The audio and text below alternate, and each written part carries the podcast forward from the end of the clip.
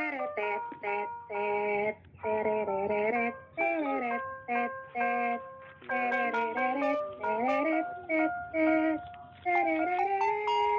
Selamat datang di podcast Kintanti.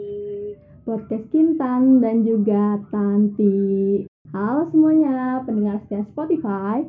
Di sini ada Kintan Anita Zulfana dan Tanti Sabila. nah, jadi kita di sini tuh mau ngebahas uh, tuntas tentang maskulinitas gitu. Tapi dengan cara yang unik nih, kita mau bahas melalui sebuah uh, film. Nah, betul banget. Lebih tepatnya sih mengarah ke toxic maskulinitas ya teman-teman. Yap, betul sekali.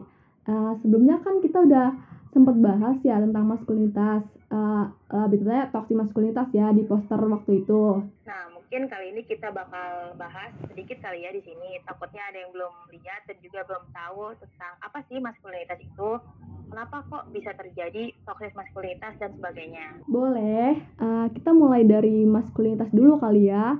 Uh, mungkin di sini teman-teman udah nggak asing dengar kata maskulinitas.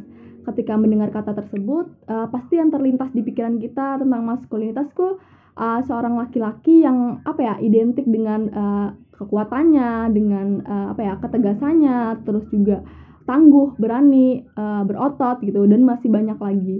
Dan emang itu yang berkembang sih di masyarakat definisi itu uh, maskulinitas ini uh, sebenarnya terbentuk karena konstruksi sosial gitu atau proses sosial melalui interaksi di mana uh, seseorang menciptakan secara terus-menerus suatu realitas yang dia miliki. Jadi uh, apa ya? Ketika laki-laki ini dilahirkan, uh, tidak secara otomatis dia punya sifat maskulin secara alami gitu. Karena ya itu tadi maskuli, maskulinitas uh, terbentuk melalui konstruksi sosial.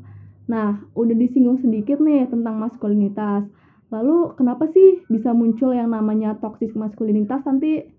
Uh, sebenarnya toxic masculinity ini uh, bermula karena pikiran sempit dari masyarakat mengenai peran gender dan sifat laki-laki. Uh, di mana mereka ini memberikan beban kepada laki-laki yang dianggap tidak memenuhi standar maskulinitas uh, di masyarakat. Uh, mungkin contoh simpelnya tuh kayak kita sering banget dengar bahwa laki-laki tuh nggak boleh nangis, laki-laki itu nggak boleh cengeng, atau laki-laki nggak boleh lemah, laki-laki itu harus kuat, laki-laki itu nggak boleh gemulai gitu kan.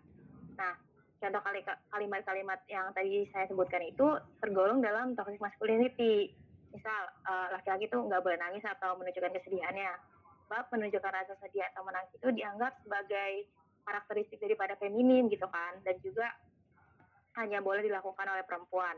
Sama halnya dengan laki-laki yang nggak boleh pakai make up. Padahal sah-sah aja gitu kan. Jika kita lihat laki-laki itu mengguna, menggunakan make up karena make up juga kan merupakan salah satu bentuk dari kesenian atau art gitu kan untuk mengekspresikan diri.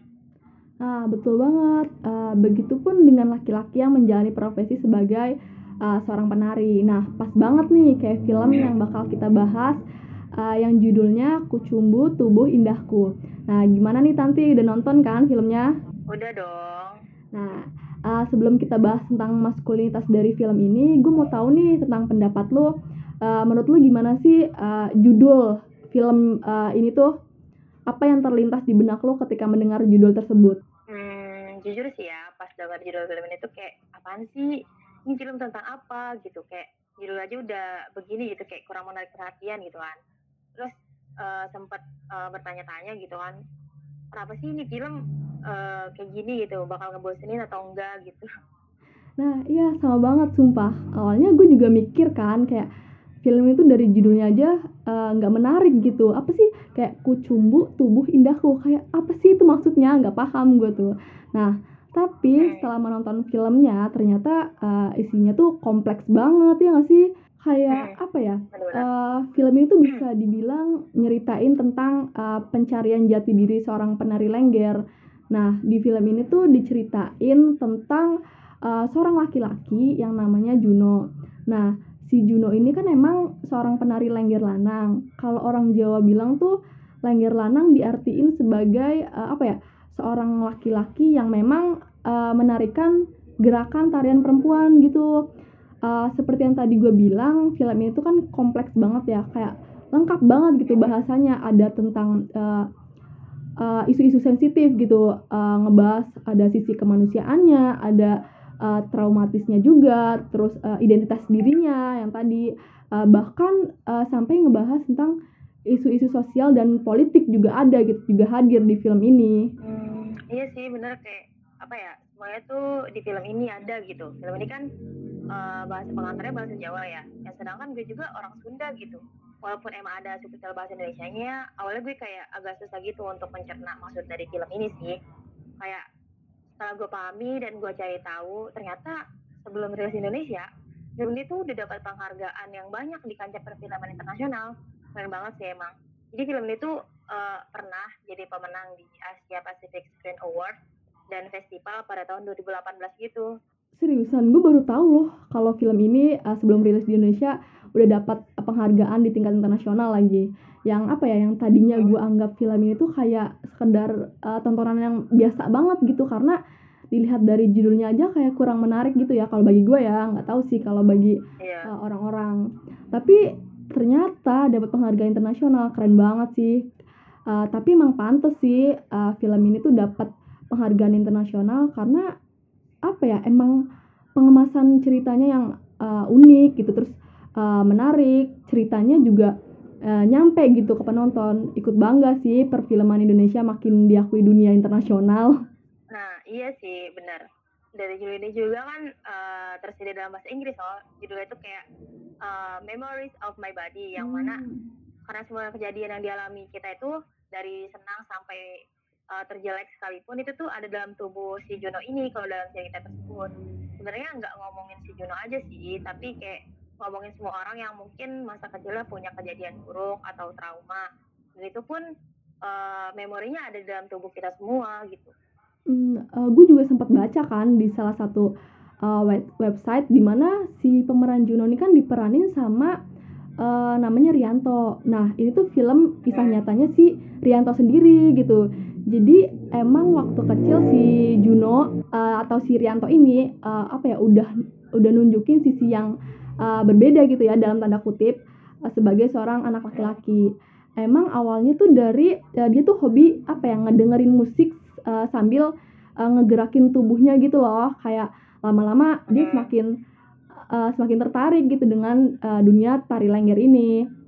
Nah uh, hal yeah. ini tentunya apa ya bisa uh, mengundang pandangan negatif gitu dari lingkungan sekitarnya. Karena uh, ya kan biasa kan anak laki-laki itu kan uh, harusnya pada umumnya gitu uh, main mobil-mobilan atau uh, perang-perangan. Kayak ya pokoknya laki-laki anak laki-laki pada umumnya lah. Nah tapi uh, si Juno ini uh, dia tuh lebih uh, tertarik dengan gaya dan uh, apa ya uh, permainan anak perempuan gitu tuh pada saat itu. Ya termasuk uh, menari ini. Nah, biasanya kan uh, ini ya, apa kalau menari itu kan uh, identik atau dicitrakan uh, buat perempuan aja kan? Iya sih, yang gue tangkap juga dari film ini tuh kayak uh, peleburan kesempurnaan tubuh dari antara maskulinitas dan juga feminim gak sih? Iya, bener. Uh, gue juga kan uh, udah nonton filmnya sama baca-baca gitu kan. Nah, jadi uh, penyatuan tubuh antara maskulinitas dan feminim ini dikemas dalam bentuk apa ya kesan, kesenian tari lengger. Uh, tari lengger ini kan uh, emang asalnya dari Banyumas ya, di mana itu uh, kampung gua sendiri. Jadi ya uh, apa ya kayak yang tadinya gue bilang itu tari lengger itu kan uh, memang di, dilakukan oleh laki-laki yang bergaya seperti perempuan gitu tariannya, tarian perempuan. Nah dulunya uh, ini sedikit cerita tentang sejarahnya ya. Uh, jadi uh, dulunya tuh tari lengger ini apa ya sebagai bentuk uh, buat upacara ritual gitu yang penarinya emang laki-laki semua. Nah ngomong-ngomong di film ini tuh emang uh, apa ya gue ngerasa uh, bahasan tentang toxic masculinity tuh uh, sedikit banget gitu di film ini. Ya memang apa ya mungkin karena film ini kan berlatar belakang tahun 80-an. Jadi isu-isu kayak toxic masculinity ini yeah. belum belum banyak kelihatan ya kan yeah, yeah. nah kayak hanya sebatas apa ya gunjingan tetangga gitu dan masyarakat sekitar coba deh lo bayangin kalau kejadian serupa terjadi di era kita di era sekarang ini apa yang bakal terjadi uh, menurut gue sih pastinya kayak toxic masculinity di era kita ini udah semakin berkembang gitu kali ya bahasanya.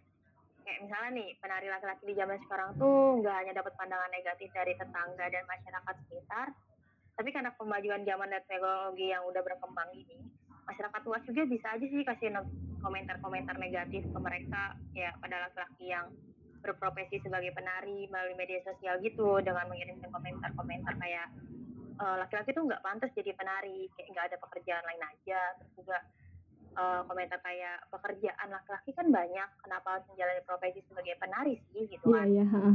gue jadi inget suatu video gitu kan.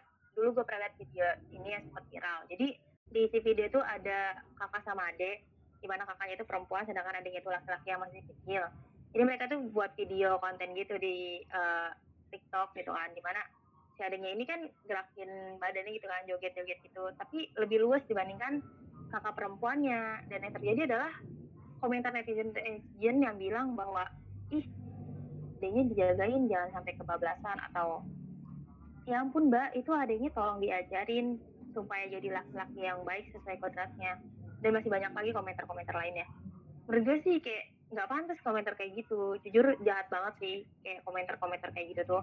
Bayangin aja anak sekecil itu udah harus dituntut untuk menjadi seorang laki-laki yang diinginkan masyarakat ini tuh contoh dari sempitnya pikiran masyarakat tentang maskulinitas masyarakat kita itu berpandangan bahwa laki-laki itu gak cocok jadi penari jadi dancer ataupun apalah istilahnya gitu kan padahal apa gitu salahnya laki-laki menjadi penari?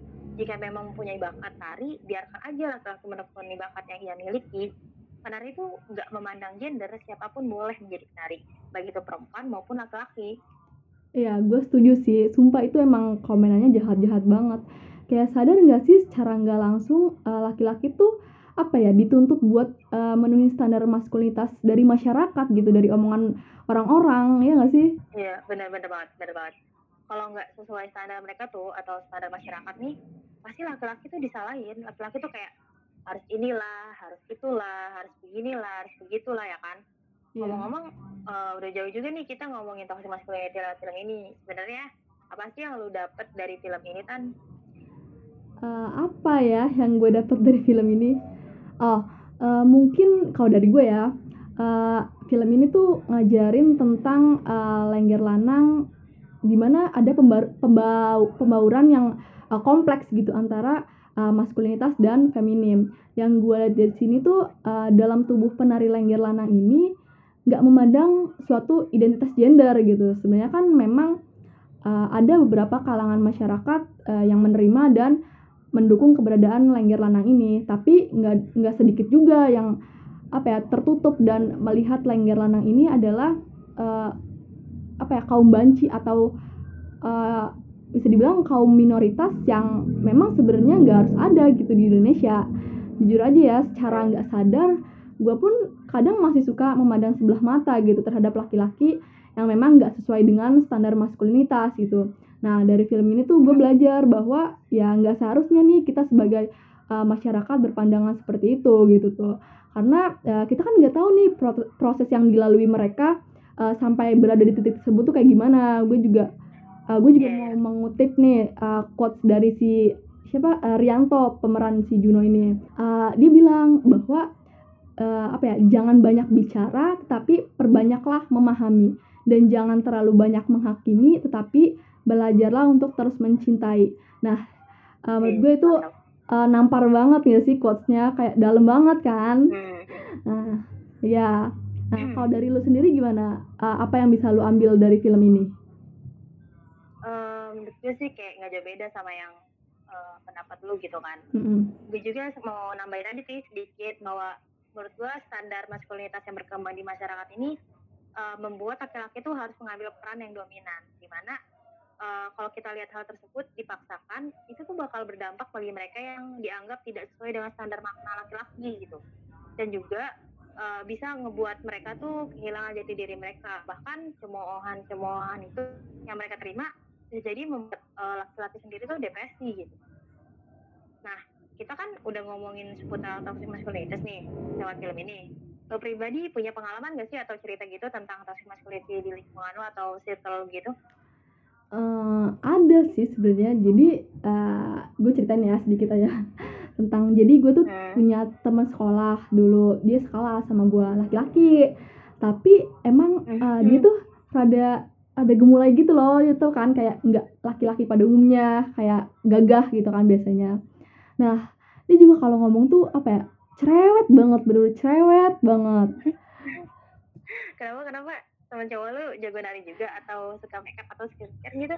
Ah, enggak sih dulu kan emang kalau skincare tuh uh, belum booming banget ya waktu zaman zaman kita sekolah Uh, beda sama anak-anak uh, sekolah zaman sekarang yang uh, udah kenal skincare berlayer-layer. Uh, kalau dulu Iya, tuh iya. lebih uh, ini lebih kayak ke perawatan kulit gitu-gitu. Nah jadi tuh ceritanya Hmm. uh, temen laki-laki gue ini cerita gitu pamer gitu ya. Uh, kalau dia abis beli uh, body lotion gitu, pokoknya pamer lah body lotion yang dia beli tuh uh, wangi. Uh, terus juga pokoknya mahal dia bilang gitu kan. Nah, gue kan sama teman-teman gue yang lainnya yang ngedengerin cerita dia ya berusaha bersikap biasa aja gitu di depan di depan dianya. Kayak malah uh, kita tuh pura-pura nanya itu bikin putih nggak, terus ada efek sampingnya nggak? Body lotionnya, bla bla bla gitu deh pokoknya nanya-nanya lah, pura-pura nanya gitu di depan dia mah. Nah, tapi pas di belakang dia, gue sama teman-teman uh, cewek gue pada ngomongin kayak, "Di, masa cowok pakai body lotion segala sih? Kayak gue aja yang cewek kalah gitu nggak pakai begitu gituan gitu kan. Nah dari kejadian ini kayak gue baru sadar ternyata ini tuh udah masuk uh, ranah uh, apa ya toxic masculinity gitu. Ya karena kan gue kan dulu kan nggak tahu ya kalau ini tuh udah masuk uh, apa pelanggaran tentang toxic masculinity dan lain-lainnya. Nah terus uh, ada lagi nih uh, dia dulu kakak kelas gue waktu SD uh, udah pokoknya tapi masih satu lingkungan tempat tinggal lah sama gue nah kasusnya tuh Hmm. emang hampir sama gitu kayak yang tadi. Cuman yang kakak kakak kelas gue ini kayak lebih apa ya bisa dibilang lebih parah gitu loh. Kayak dia tuh bener-bener cowok tapi dia bener-bener eh, apa ya cewek banget gitu loh. Kayak dilihat dari cara ngomongnya terus cara jalannya terus eh, gestur tubuhnya bener-bener kayak cewek banget gitu bisa dibilang. Nah, sampai pada akhirnya gue waktu itu sempat denger cerita. Dia tuh eh, katanya eh, apa eh, perawatan kulit ke klinik kecantikan segala macam. Nah, waktu itu kan gue sempet tuh abis denger cerita kayak gitu, gue sempet ketemu dia di Indomaret kan. Nah, bener aja kulitnya tuh putih, mulus, bersih, pokoknya kinclong deh. Kayak bener-bener abis perawatan. Kan beda ya kalau misalnya abis perawatan sama Iya. kulit dari lahir tuh beda pokoknya kelihatannya. nah terus gue dalam hati nih gue bilang, oh ternyata bener nih omongan teman-teman gue kalau dia tuh emang uh, perawatan ke klinik kecantikan. Nah dari situ gue masih mikir sebelah mata kan, kayak ngapain sih laki-laki perawatan gitu, cewek juga nggak gitu-gitu banget kayak kayak lo baru sadar Iya. gitu loh kayak sempit banget sih pikiran gue waktu itu gitu tuh iya sih ya, gue juga kadang mikir kalau gue tuh waktu belum kenal toxic masculinity gini nih, pasti pandangan gue tuh ke cowok kayak apa apa yang cowok pakai pakai body lotion, cowok yang pakai skincare gitu, perawatan kulit itu biar apa sih? Cowok tuh ya udah gitu aja, natural aja. Kalau udah hitam hitam aja bawaan dari lahir gitu. Nah. Kayak gitu juga sama. Nah ya kan. Nah ternyata setelah apa ya setelah kita mempelajari gender terutama tentang maskulinitas ini kayak kita jadi sadar gitu jadi apa ya jadi kebuka gitu pikiran kita tentang uh, laki-laki ya laki-laki tuh sebenarnya nggak harus memenuhi standar maskulinitas dari masyarakat gitu mereka nggak harus uh, ngikutin omongan dari orang-orang ya kan? Nah sekarang ganti nih gue nanya lu punya gak sih cerita atau pengalaman serupa tentang toxic masculinity di lingkungan lu atau circle lu? Eh, kalau pengalaman sih mungkin sama aja kali ya kayak pasti ada aja di sekolah atau di lingkungan kita yang mungkin cowok lebih menunjukkan sisi femininnya gitu kan daripada maskulinitasnya. Eh, cuman gue nih buat polling gitu lah iseng-iseng di Instagram gitu. Kayak gue bikin beberapa kalimat yang mungkin menuju kepada toxic maskulinitas. Gue bikin sekitar 10 gitu kan.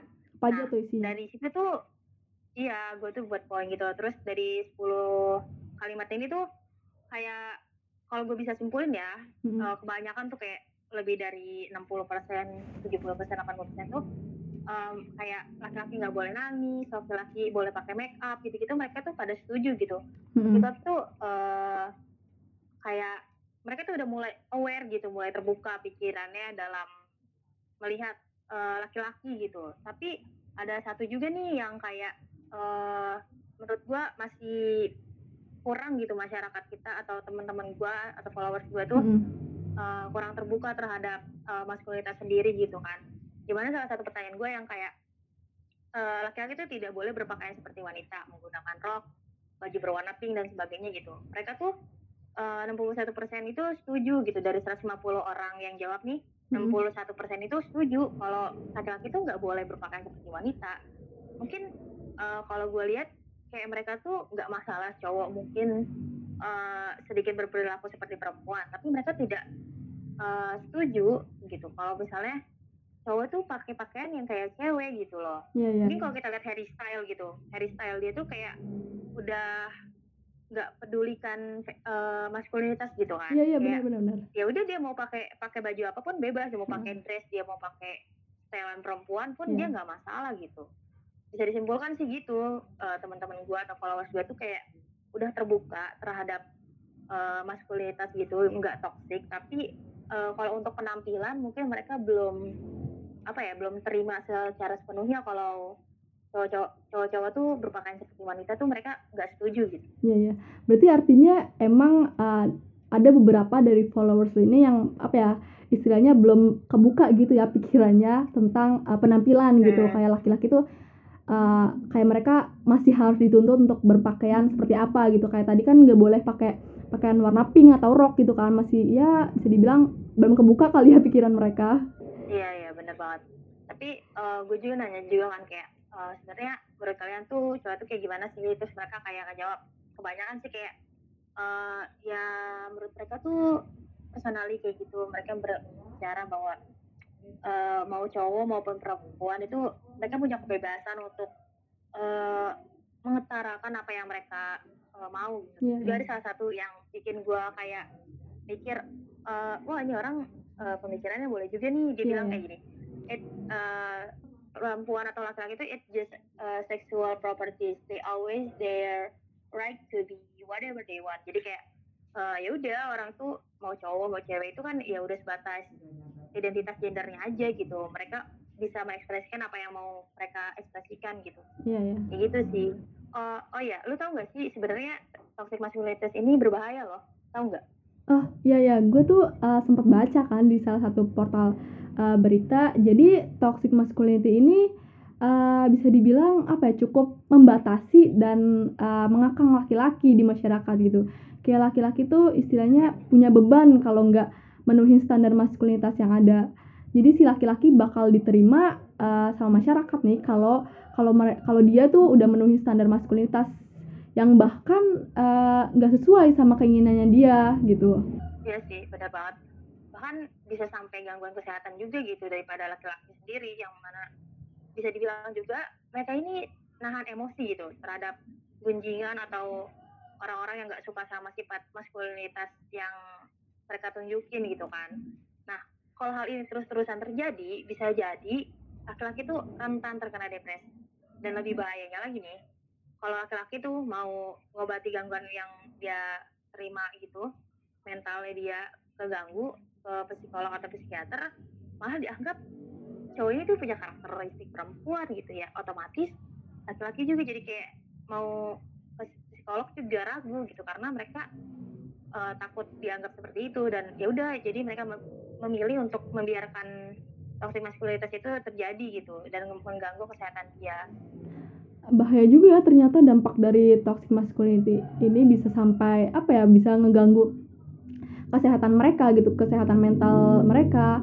Dan yang tadi lu bilang tadi, eee, apa, eee, kalau dia mau ngobatin gangguan mental ke psikolog atau psikiater malah justru dianggap, eee, apa ya, sebagai karakteristik perempuan. Itu sedih banget sih menurut gua kayak sama aja Mhm. tetep dikekang gitu sama masyarakat, jadi nggak bisa bebas. Iya, makanya.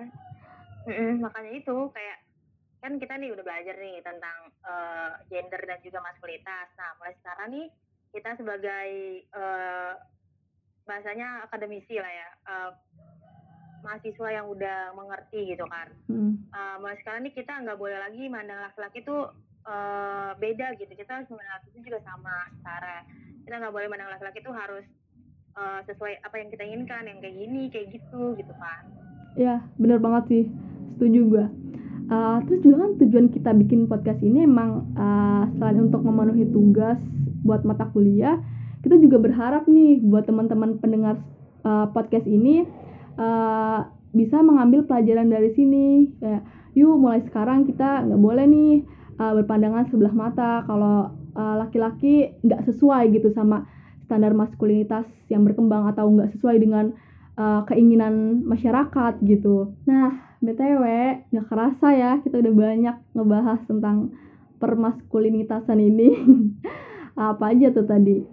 Uh, mulai dari bahas film, terus ada pengalaman masing-masing sampai ke uh, apa ya bahaya toxic masculinity. Nah sekarang mungkin waktunya kita uh, tutup kali ya karena keterbatasan waktu juga. Hmm, sayang banget sebenarnya masih mau bahas lebih banyak kali ya tentang maskulinitas ini. Tapi karena kendala waktu, ya ya udah kita kirim aja. Mungkin kita bisa ketemu di podcast podcast selanjutnya, mungkin ya. Oke, nanti kita pikirin kali ya mau dibawa ke mana podcast ini selanjutnya. Iya benar-benar. Oke deh teman-teman, makasih ya udah ngedarin podcast ini. Semoga kita semua bisa mengambil pelajaran atau sisi positif dari konten podcast ini. Terima kasih semuanya. Terima kasih semuanya. Bye. Bye.